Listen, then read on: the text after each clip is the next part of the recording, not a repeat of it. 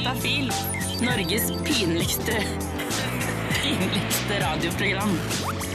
Med Tuva Fellmann.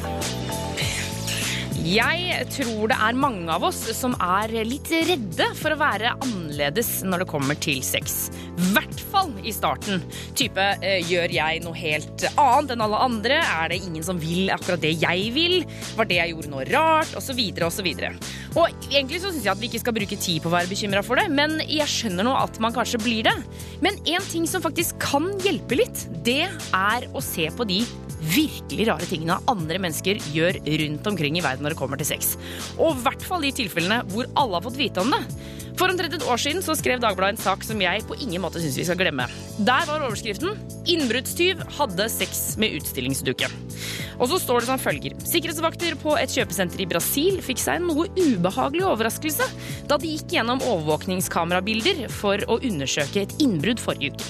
Innbruddstyven de etterforsket viste seg nemlig ikke bare å være interessert i pengene som butikken besatt. Da mannen var ferdig med å stjele klær han skulle bytte mot narkotika, gikk han plutselig løs på en av utstillingsdukkene i butikken og startet å kysse dens plastpupper. Videre tok han av seg buksene og startet med det som lignet en seksuell akt med den kunstige kvinnekroppen. Så da har vi det. Til deg der ute nå som sitter og tenker ah, jeg er litt sånn nervøs for at du er annerledes. Slapp nå for guds skyld helt av. For mest sannsynlig så er du ikke i nærheten av å være der sammenlignet med dette. Og hvis du nå tenker oppå der igjen at ja, men hallo, jeg liker jo å ha sex med utstillingsdukker, ja, da kan du være glad for at du ikke gjorde det foran et overvåkningskamera. Velkommen til Juntafil. Her er det bare å senke skuldrene. Like det du liker, lene deg tilbake og høre på preik om sex, kropp og følelser. Juntafil Tuva Fellmann. Norges pinligste radioprogram. Eh, og nå er det jo en gang sånn at eh, det å bli gravid, det skal jo være en hyggelig greie. Altså, eh, du skal få barn, det skal bli en familie, du skal skape et liv og alt det der. Jeg ser jo på Facebook at mange også blir veldig, veldig glade og legger ut ultralydbilder med hjerter og stjerneskudd, og det er bare ren og skjær lykke. Men så tenker jeg, hva hvis man ikke føler det? Hva hvis du eksempel har barn fra før av og egentlig var litt sånn ferdig? Hvis du egentlig var litt sånn ja, ok, men nå var jeg ferdig, og så ble det et barn til, da er det jo ikke så rart at man får et litt sånn støkk og tenker herregud, skal jeg orke en hel runde til? Jeg tenker at dette her er helt naturlig, men allikevel så hører jeg egentlig ingen prate noe særlig om det. Og det er jo heller ikke uvanlig at man blir ordentlig redd eller usikker, og det er jo til og med folk som blir altså, ordentlig deprimerte av å finne ut at du er gravid. Og jeg sier ikke at man skal poste det på Facebook, det på ingen måte, men jeg syns det er merkelig at vi ikke er mer inne på det. Og som du nå sikkert skjønner, så skal vi jo helt klart inn på det. Eh, straks så skal du få høre fra eh, Linn på 32 år, som vi i Juntafil følger. Hun er altså inne i sitt fjerde svangerskap, og straks skal vi høre hva hun tenkte da hun forsto at hun nå skulle få barn nummer fire. Dette er Eh, og vi følger jo en dame som heter Linn her i Juntafil. Og sist uke så var vi med henne på ultralyd og fikk vite at hun skal få en liten jente. Eh, og i dag skal vi over til noe ganske mer alvorlig. Nemlig det, dette med de vanskelige tankene du kan få idet du finner ut at du er gravid. For mens noen blir kjempeglade og stråler og bare er helt i hundre, så er det også vanlig at man både blir redd og fortvilet, og det er også mange som, blir, altså, som rett og slett blir litt deprimerte. Um, og dette er på en måte noe som ikke snakkes så mye om til vanlig. I hvert fall den siste delen der.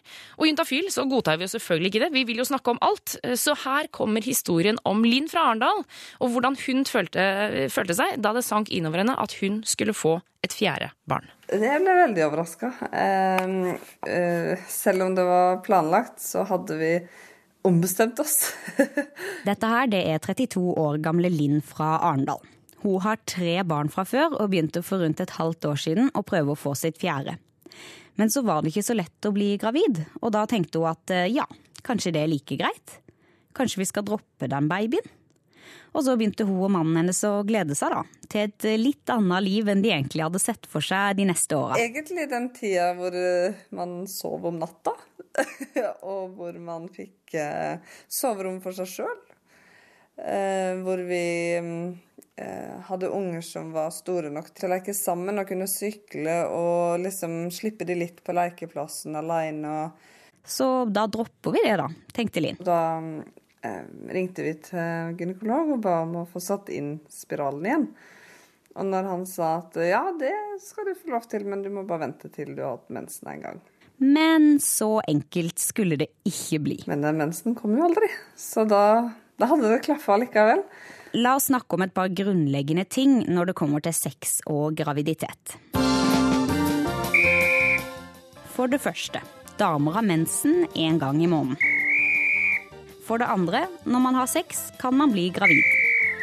Og for det tredje, når du blir gravid, har du som regel ikke mensen. Og det var akkurat en kombinasjon av punkt 1, 2 og 3 her som gjorde at spiralklare Linn begynte å stusse. Og så gratulerte vi hverandre og var veldig sånn fornøyde med at uh, den pressa seg fram, og da, da, blir dette her noe av Dette blir gøy. Så da blei romantiske kjærestekvelder og søvn natta gjennom aleine på soverommet bytta ut med bleieskifting, rensing av tråteflasker og babyskrik. Og når bleieskift ikke er det du har sett for deg å holde på med hver dag de neste par åra, og så finner du ut at det er det du skal, da kan du fort bli litt eh, forvirra og eh, irritert, og kanskje du til og med kan begynne å angre litt. Og jeg kjente nok det at jeg ble glad. Og så kom de følelsene at oi, har jeg tid til dette her? Jeg har tre jenter jeg skal passe på.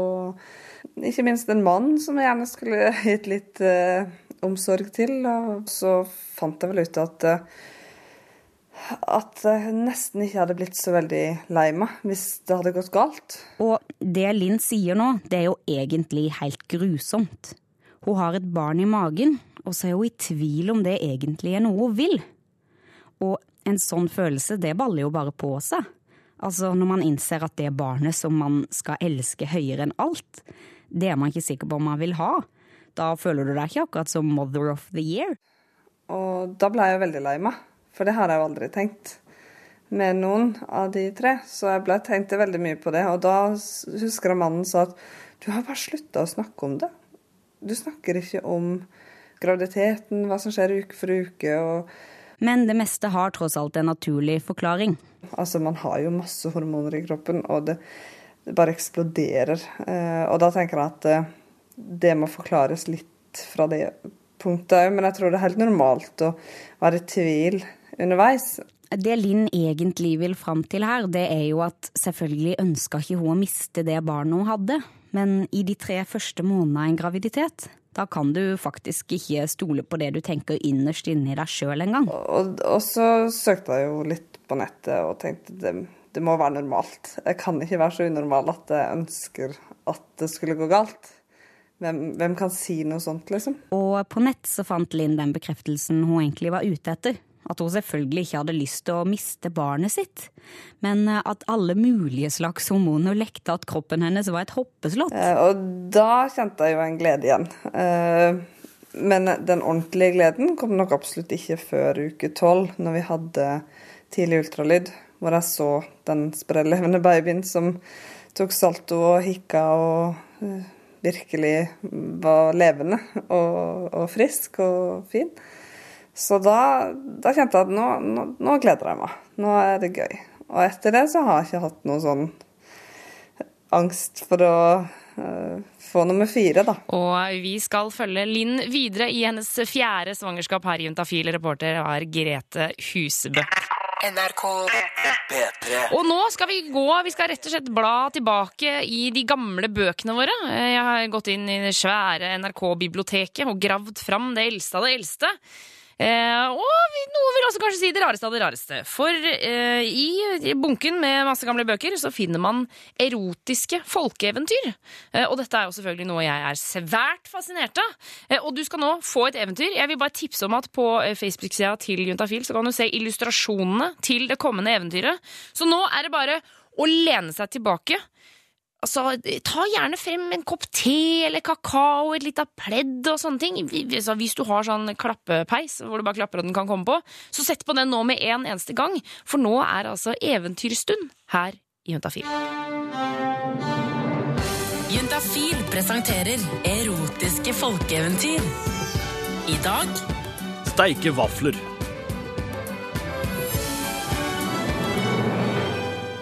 Det var en gang et par værstandsfolk som hadde ei eneste datter. Hun var dem så redd for at hun aldri fikk komme ut iblant folk. Ikke fikk hun ha lørdagsfriere som andre jenter, og ikke fikk hun greie på noen ting. Så hun visste verken hvordan mannfolk var skapt til låga. Og ikke fikk hun lære annet hell enn det å steike vafler, men det lærte hun til gangs. Du må passe på å ikke slippe disse stygge karfolkene innåt deg, ellers blir du ikke gift, sa mora til henne. Og det lova hun, for gift det ville hun bli. Så kom det en friar, da, og etter ei stund så ble det bryllup òg. Om bryllupsnatta så ville gubben gjøre det som gubben skal gjøre, men kjerringa hun ville ikke på noe sett og vis. Han prøvde alle de kunster han kunne ha visste, men han kom ingen vei med henne. Kjerringa både skreik og let at mor henne hadde sagt at hun ikke skulle slippe disse stygge karfolkene innåt seg. Så klaga han da åt svigermor si. Nei, ikke tenk på det, du, sa svigermora. Si Otto, at du vil steike vafler. Han la i vei og prøvde at. Kom nå, så skal steike vafler, sa brudgommen. Ja, det ville hun òg. Jeg har slik en god rørepinne, sa han, og du har slik ei god lita potte imellom føttene. Den skal slåga røra til. Å ja da, det ble røring, og det ble steiking. Men langt om lenge så helt den opp. Nå da, nå da, sa hun, og nappa borti den. Røre, røre, steike, røre, steike, sier jeg. Jeg kan ikke mer, sa han. Hvorfor kan du ikke mer, sa hun. Hun var så sint at hun både sugde og beit. Jeg brøt av skaftet på vaffeljønnet, sa han. Ha-ha-ha, det kan jeg tru, sa hun, for jeg kjente at røra rann i ræva.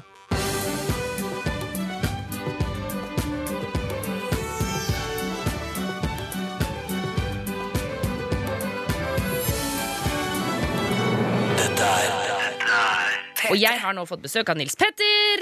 Velkommen inn, Nils Petter. Hei. Eh, For de som ikke vet hvem du er, så jobber du i Sex og Samfunn, som er en gratis klinikk i Oslo. eh, Hvor dere hjelper til med sjekking av eh, hva det heter? Kjønnssykdommer, heter det? Ja, det heter det. Det heter noe seksuelt overforbare infeksjoner, for å være litt fin på det. Ja, nettopp.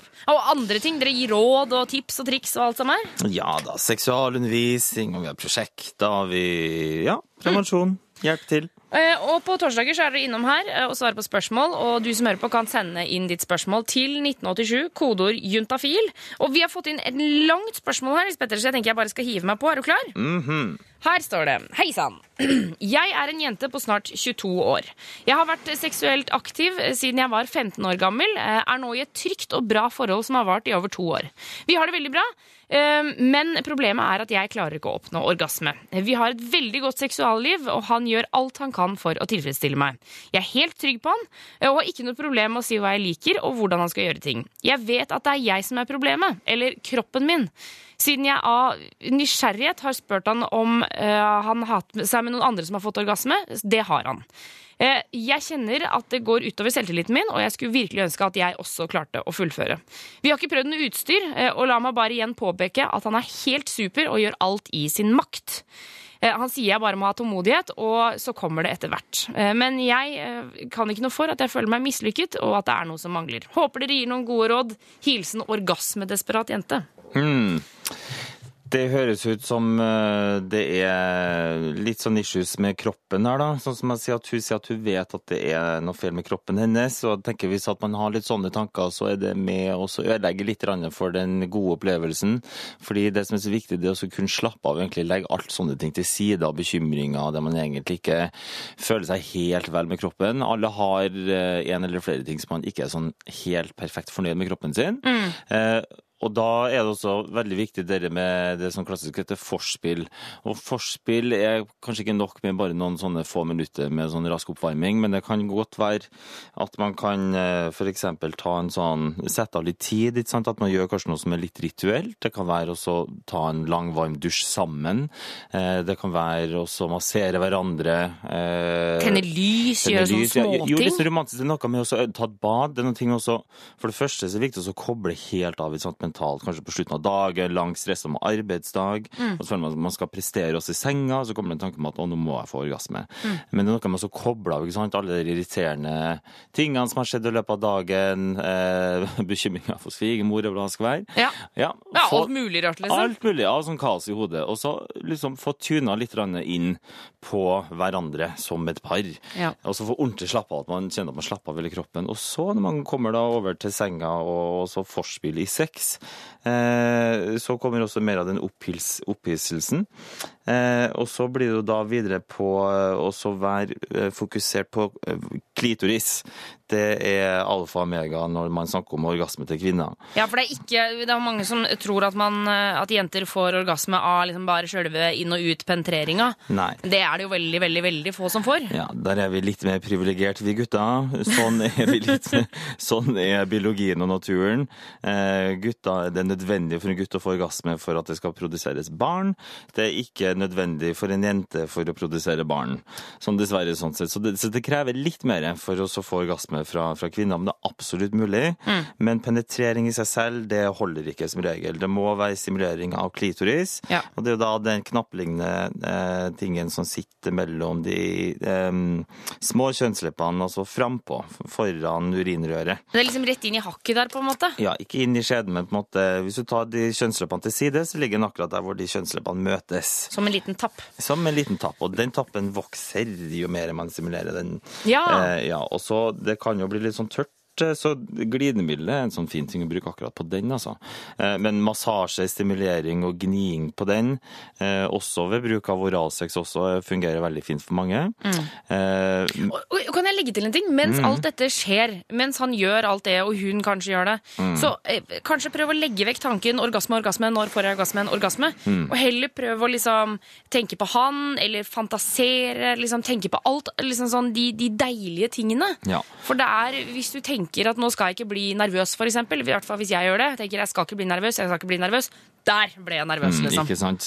Så det er viktig også bare få um, La litt sånne negative tanker bare passere, ikke, ikke feste seg sånn ved dem. Mm. Eller bare så helt til å finne fokus på hva er det som er godt, hva som er deilig, hva som er opphissende ikke sant? med den kroppen man har sex sammen med, en person eller sin egen kropp. Mm. Så glem cellulitter, glem at man eh, gikk opp to kilo forrige uke, altså sånn, det har ingenting for seg. Drit i det. Drit i det, rett og slett. Men, eh, de sier jo også at de ikke har prøvd noe utstyr, og det tenker jeg bare litt sånn kort her på slutten, at Mm. det går, er jo ingen grunn for å ikke prøve det. Nei, eh, kjempepotensialet. Stikkedom med sexbutikk. Der er det veldig kyndige, kompetente mennesker som jobber med akkurat dette her. Spør, vær nysgjerrig. De har sikkert masse godt utstyr å komme med, vibratorer og andre ting.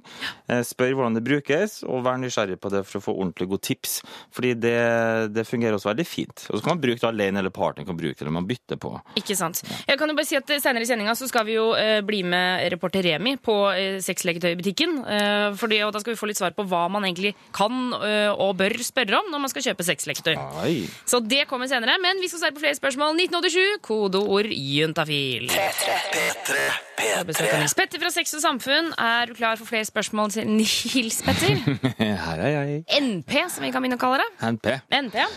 Eh, 1987, kodeord juntafil hvis du der ute har et spørsmål. Vi har fått inn fra Jente22 her, hvor det står Hei! Er det greit å fantasere om andre enn kjæresten? Han er verdens beste, og vi har det utrolig bra sammen. Til høsten har vi vært sammen i over seks år. Men når jeg skal ha litt egentid, syns jeg det er mer spennende å fantasere om andre. I det siste har det faktisk vært en felles venn av oss eh, som vi begge er veldig glad i.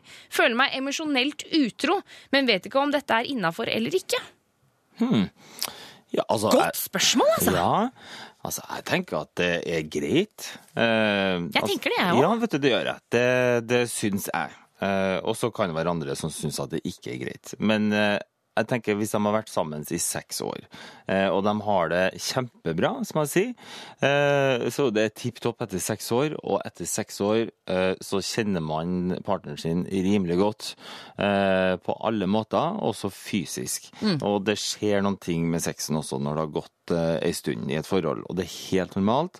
Det krever også mer for oss å opprettholde den samme lysten som man hadde når man var i den forelskelsesfasen og alt var nytt og spennende. Eh, og det, jeg tenker at det er helt innafor altså, ta, eh, ta det litt videre i sine egne tanker. Eh, og så leke litt mer eh, i sånn fantasier. og Jeg tenker at Det betyr ikke at det er noe galt, eller at man At man vil ha den personen som er ekte, liksom. Nei, nei, ikke sant. Det har vi snakka om før, også det med, med fantasi og tanker. altså der, der har vi jo utrolig stor spekter og fantasi som vi kan få bruke uten at det betyr at det er det vi skal gjennomføre. Og det som jeg sier at eh, med en felles venn eh, OK, og så er det, eh, det er kanskje ikke sånn at hun har eh, reelt lyst at han skal, skal være med i eh, akten fysisk, men, eh, men at det kan være helt greit å bruke andre. Man trenger ikke å fortelle det her heller, da. Nei, til, det- til den vennen eller til partneren. Altså, du kan jo også holde det for deg selv hvis du føler at det er litt sånn Hvis det kjennes en liten sånn skamfølelse rundt det. Ja, jeg tenker at det er helt avgjørende at hun ikke forteller det til noen av de. Fordi altså, sånn, Å fantasere om andre, det synes jeg det får nå være helt eh, greit. Men, men og, og det tenker jeg man også gjerne kan si til partner. Men, men å si at jeg fantaserer om Ole, som vi begge to har et godt forhold til, der tror jeg det for, der, for meg hadde det blitt veldig vanskelig, altså. Ja, altså det er noe Det er noen viss risiko på å si det, da. Ja. Eh, Men eh, dere der, er- altså hvis at de kjenner hverandre og har egentlig et åpen dialog på det, så, så dere dere vet da kanskje innerst inne om det er noe hun bør si eller ikke. Ja. Men, men det er helt greit å tenke det, og jeg tror at alle sammen har sånne tanker. Jeg tror det er veldig få som ikke lar seg drifte litt av gårde, og som jeg sier, også når at hun stimulerer seg selv. Eh, Ja, For det er jo ikke i sexen med han at hun tenker på Ole.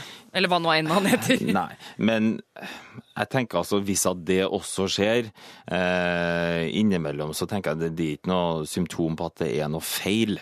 Eh, altså Hvis at det er sånn at eh, det er bare det hun tenker på, hvis at under f.eks.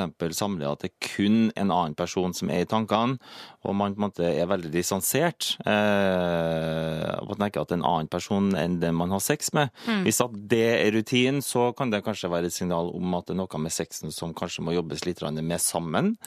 Ja, eller at det er altså, For jeg tenker jo også at hvis øh, En ting er å fantasere om ting, men å gjøre det i virkeligheten er en helt annen ting. Men hvis, Ja. hvis det er sånn at hun faktisk kunne tenke seg At hun faktisk begynner å tenke på at jeg tror jeg har lyst til å ligge med denne personen. Jeg tror jeg har lyst til å ha en seksuell relasjon til denne personen.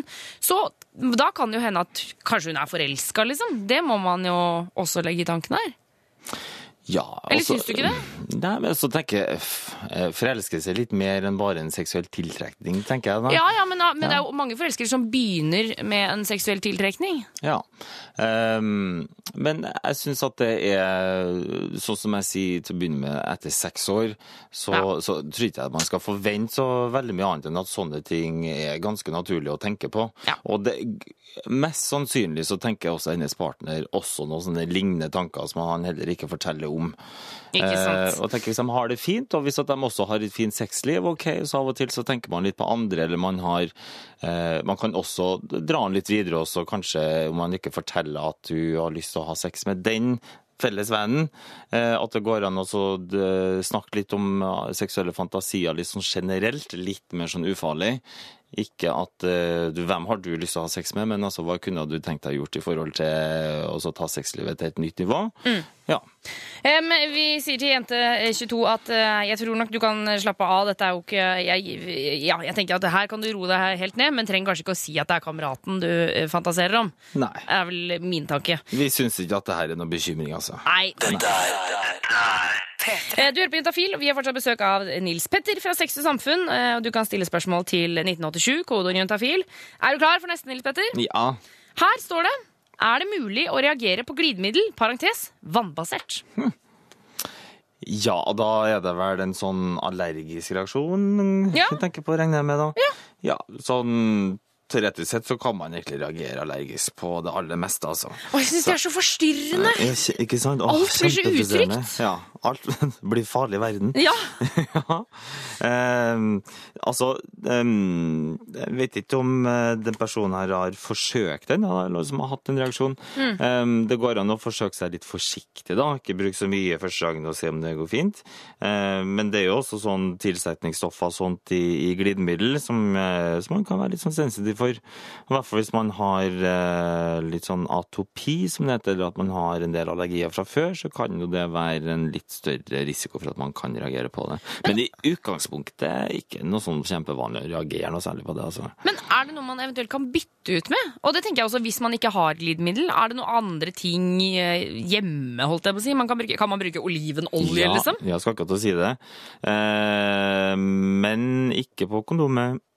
Ok, Nei. nei, nei, nei, det er nettopp det. Okay. for da sprekker det. Da Så det er viktig, viktig, viktig. viktig ja. Så hvis du Eh, har sex uten kondom, eh, og det får du bare lov til hvis det er eh, fast forhold og med p-piller og alt sammen Det er den eneste, grei, det er den eneste grunnen til at du skal få lov til å gjøre det. Men da kan du bruke eh, matolje, rett og slett. mm -hmm. Men hvis det er kondomer, så kan du ikke gjøre det. Nei.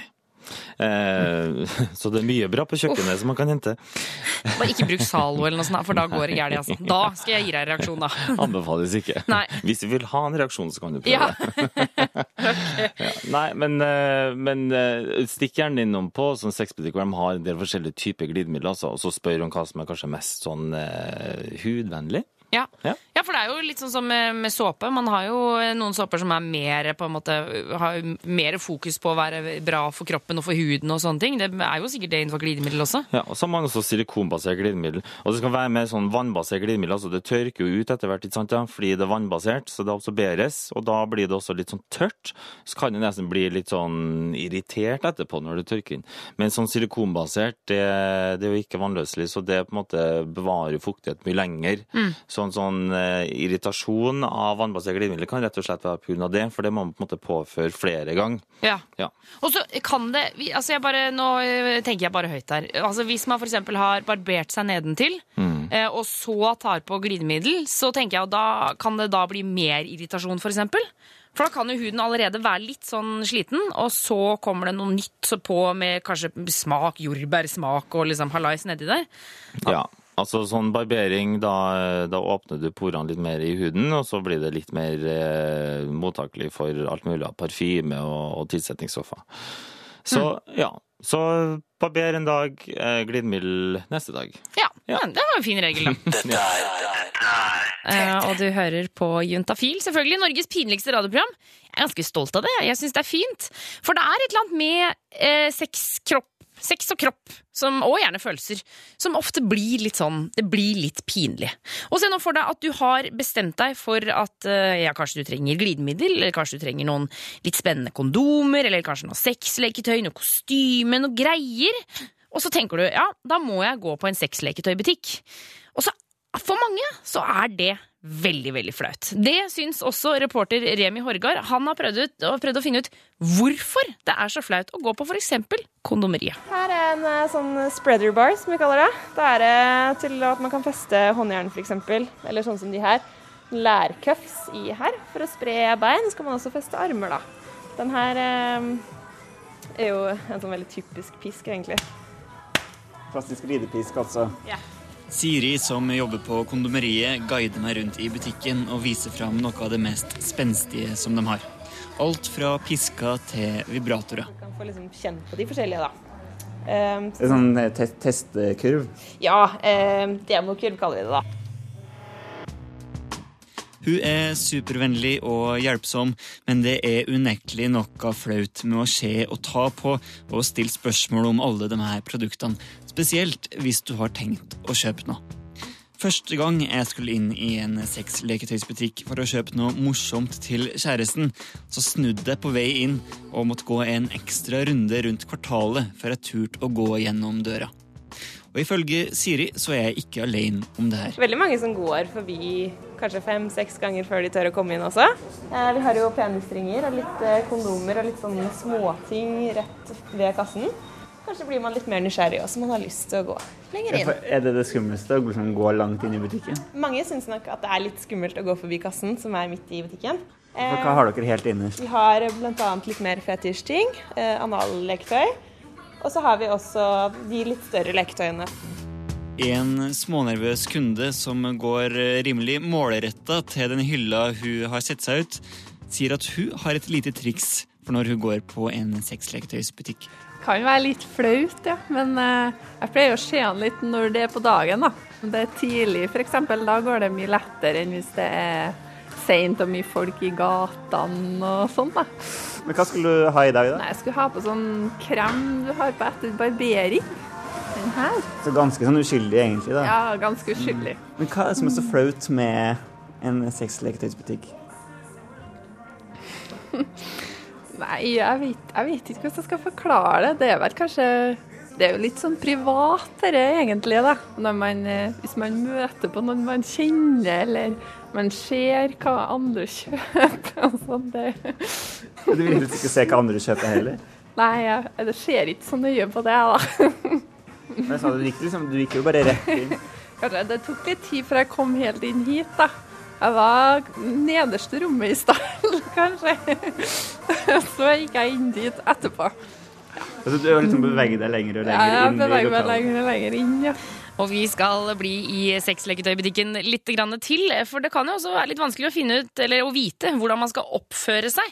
For eksempel overfor de som jobber der. Hva kan man spørre om, og hva kan man absolutt ikke spørre om? Det blir rett etter Sahara Blind.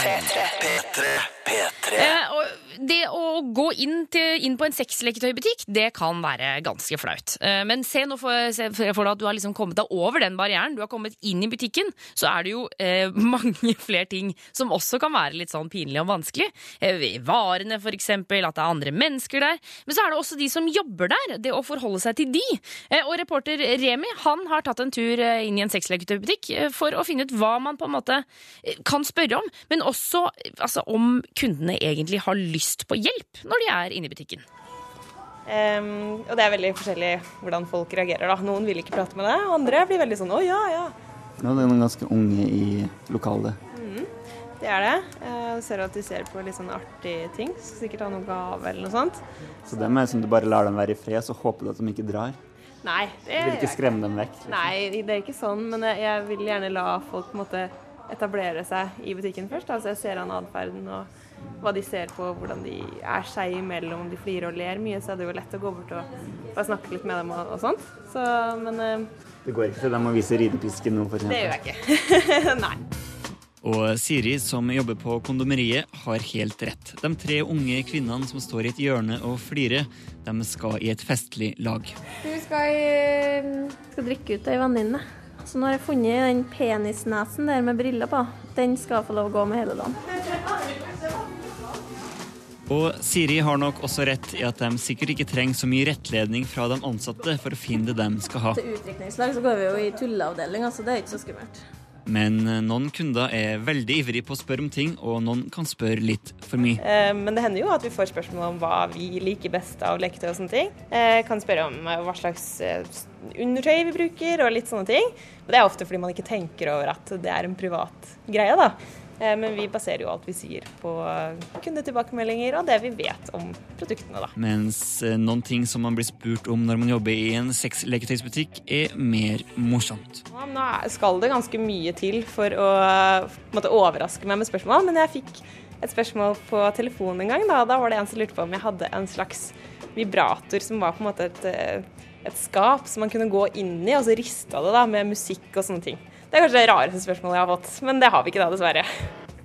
Og så har vi den smånervøse kunden som har jobba seg gjennom butikken. Hun mener at man ikke skal være redd for å spørre om hvordan produktene virker. Jeg vet ikke om det er varmende effekt, eller om det Ja, for det er kanskje en sånn smart ting å spørre om. For, Ja. for det er også lurt på, en kar som er det som gjør at det, hvis jeg spør om det, så tror de å nei, han har ikke peiling, eller hvis jeg spør om Ja, eller om det For det er jo veldig mye forskjellig.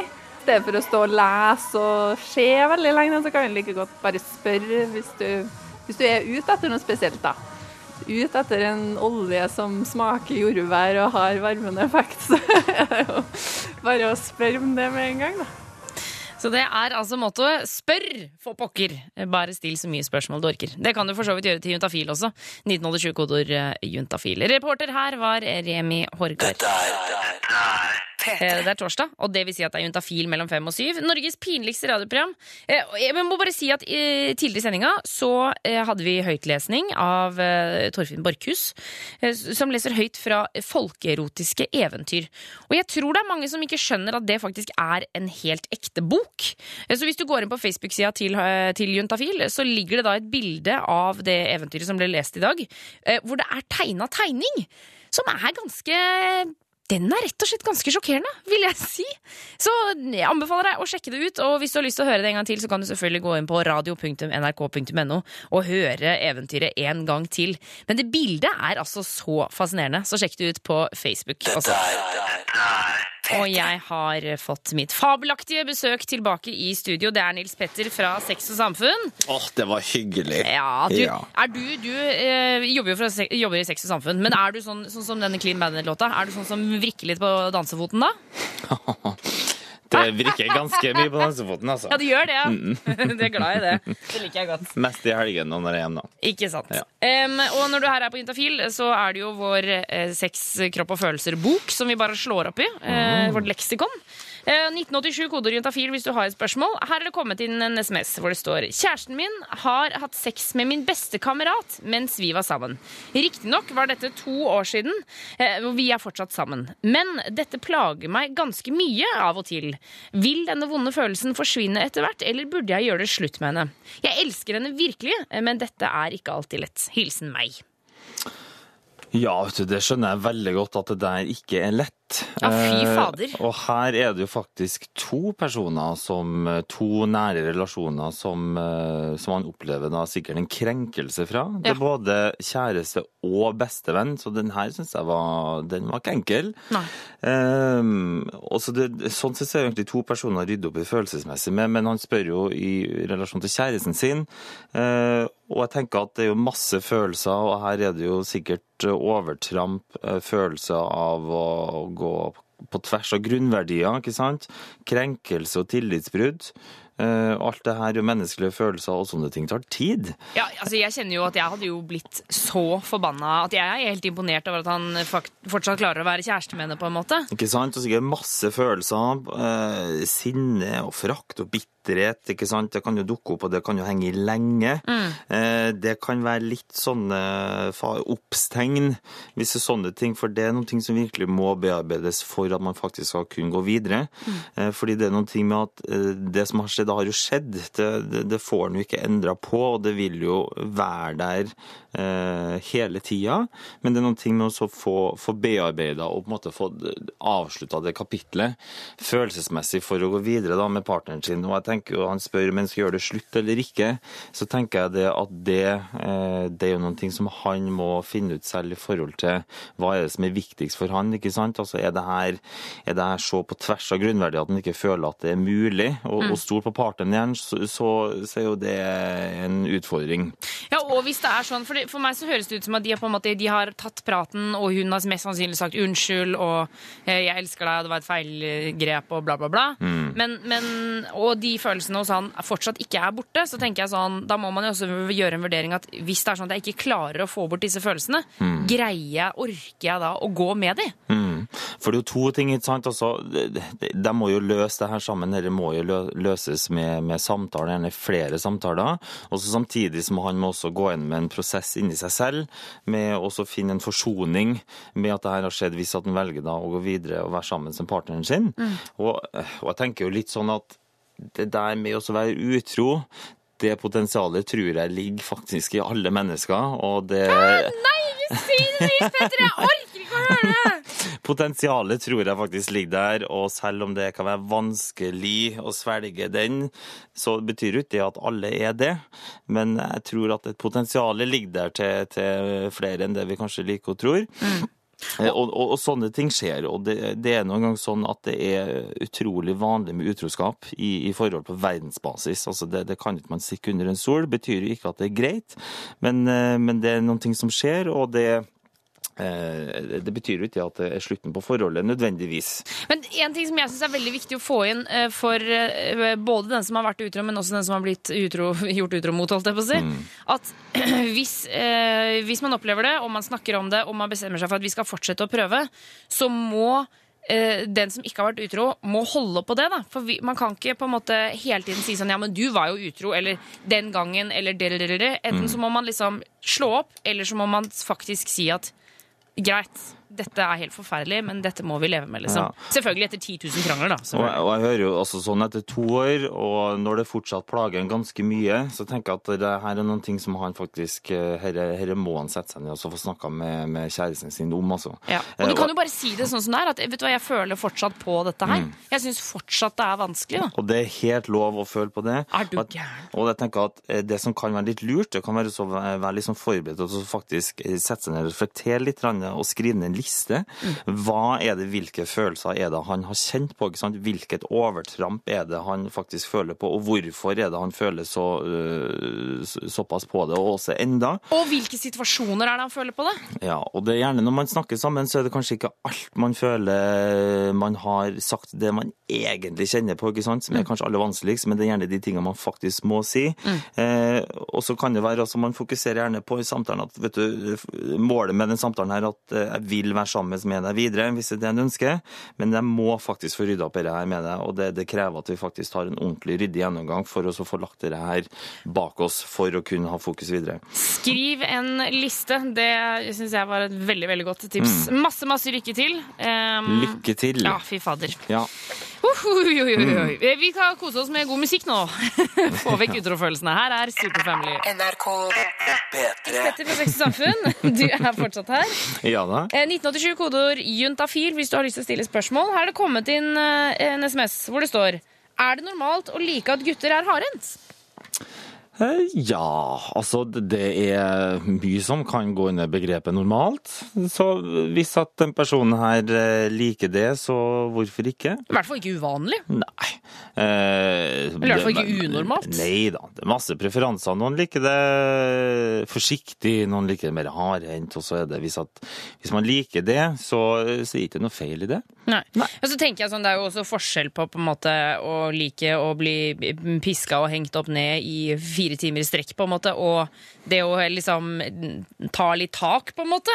Ja, det finnes jo de miljøene hvor det praktiseres også. Ja, ja, ja. ja Men jeg tenker at det er jo ikke like vanlig som å like at noen tar litt tak. Eller jeg vet da, fader.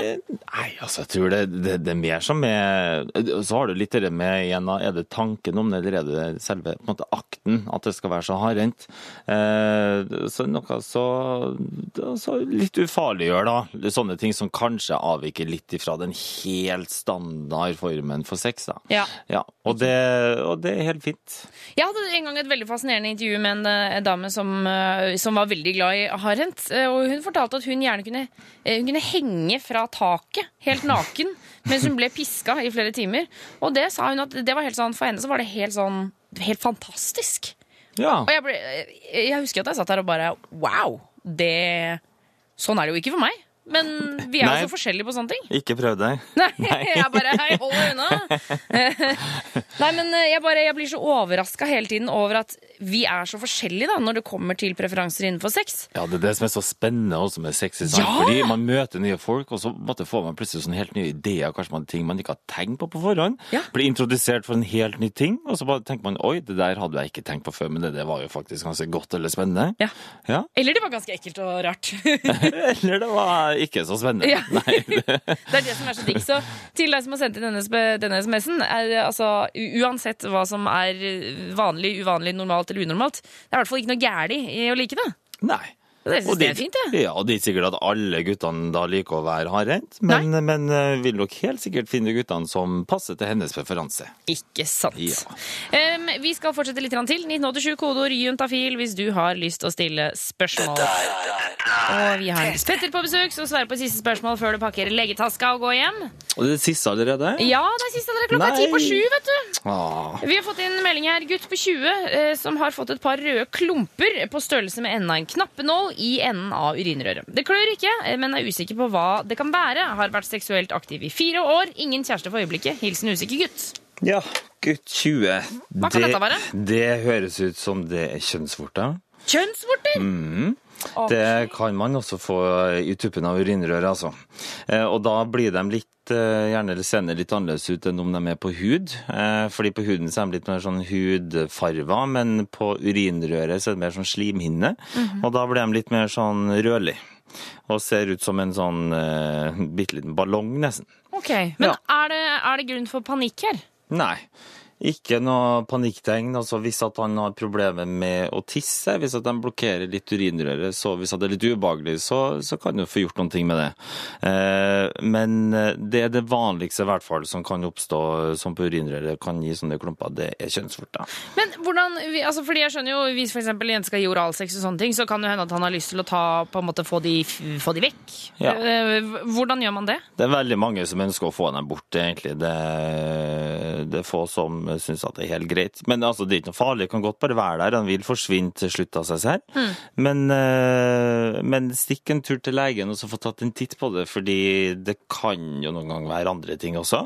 Det kan være noen ting som er bare helt normalt. Eh, fordi, men så det kan være litt sånn eh, annen type behandling akkurat når det er i urinrøret, for er det litt sånn sensitivt. Ikke sant? Ja. Så, så ta en liten tur til legen er nok eh, lurt. Ja, ikke lån sånn etsemiddel fra en kompis eller noe sånt som har det liggende, og så begynner å pensle på det. Hvem er det som har etsemiddel hjemme? Da er du passe da er du på kjøret. Nei, ja, men det er ganske mange som har det i skapet, skjønner du, som har fått det Hæ, etsemiddel? Nei, sånn, eh, fordi det man bruker da i behandling til kjønnsvorter, ofte, sånn etsemiddel. Eh, Men det bruker man hvis det er på sånn hudkledde områder, eksempel på penisrot eller sånt.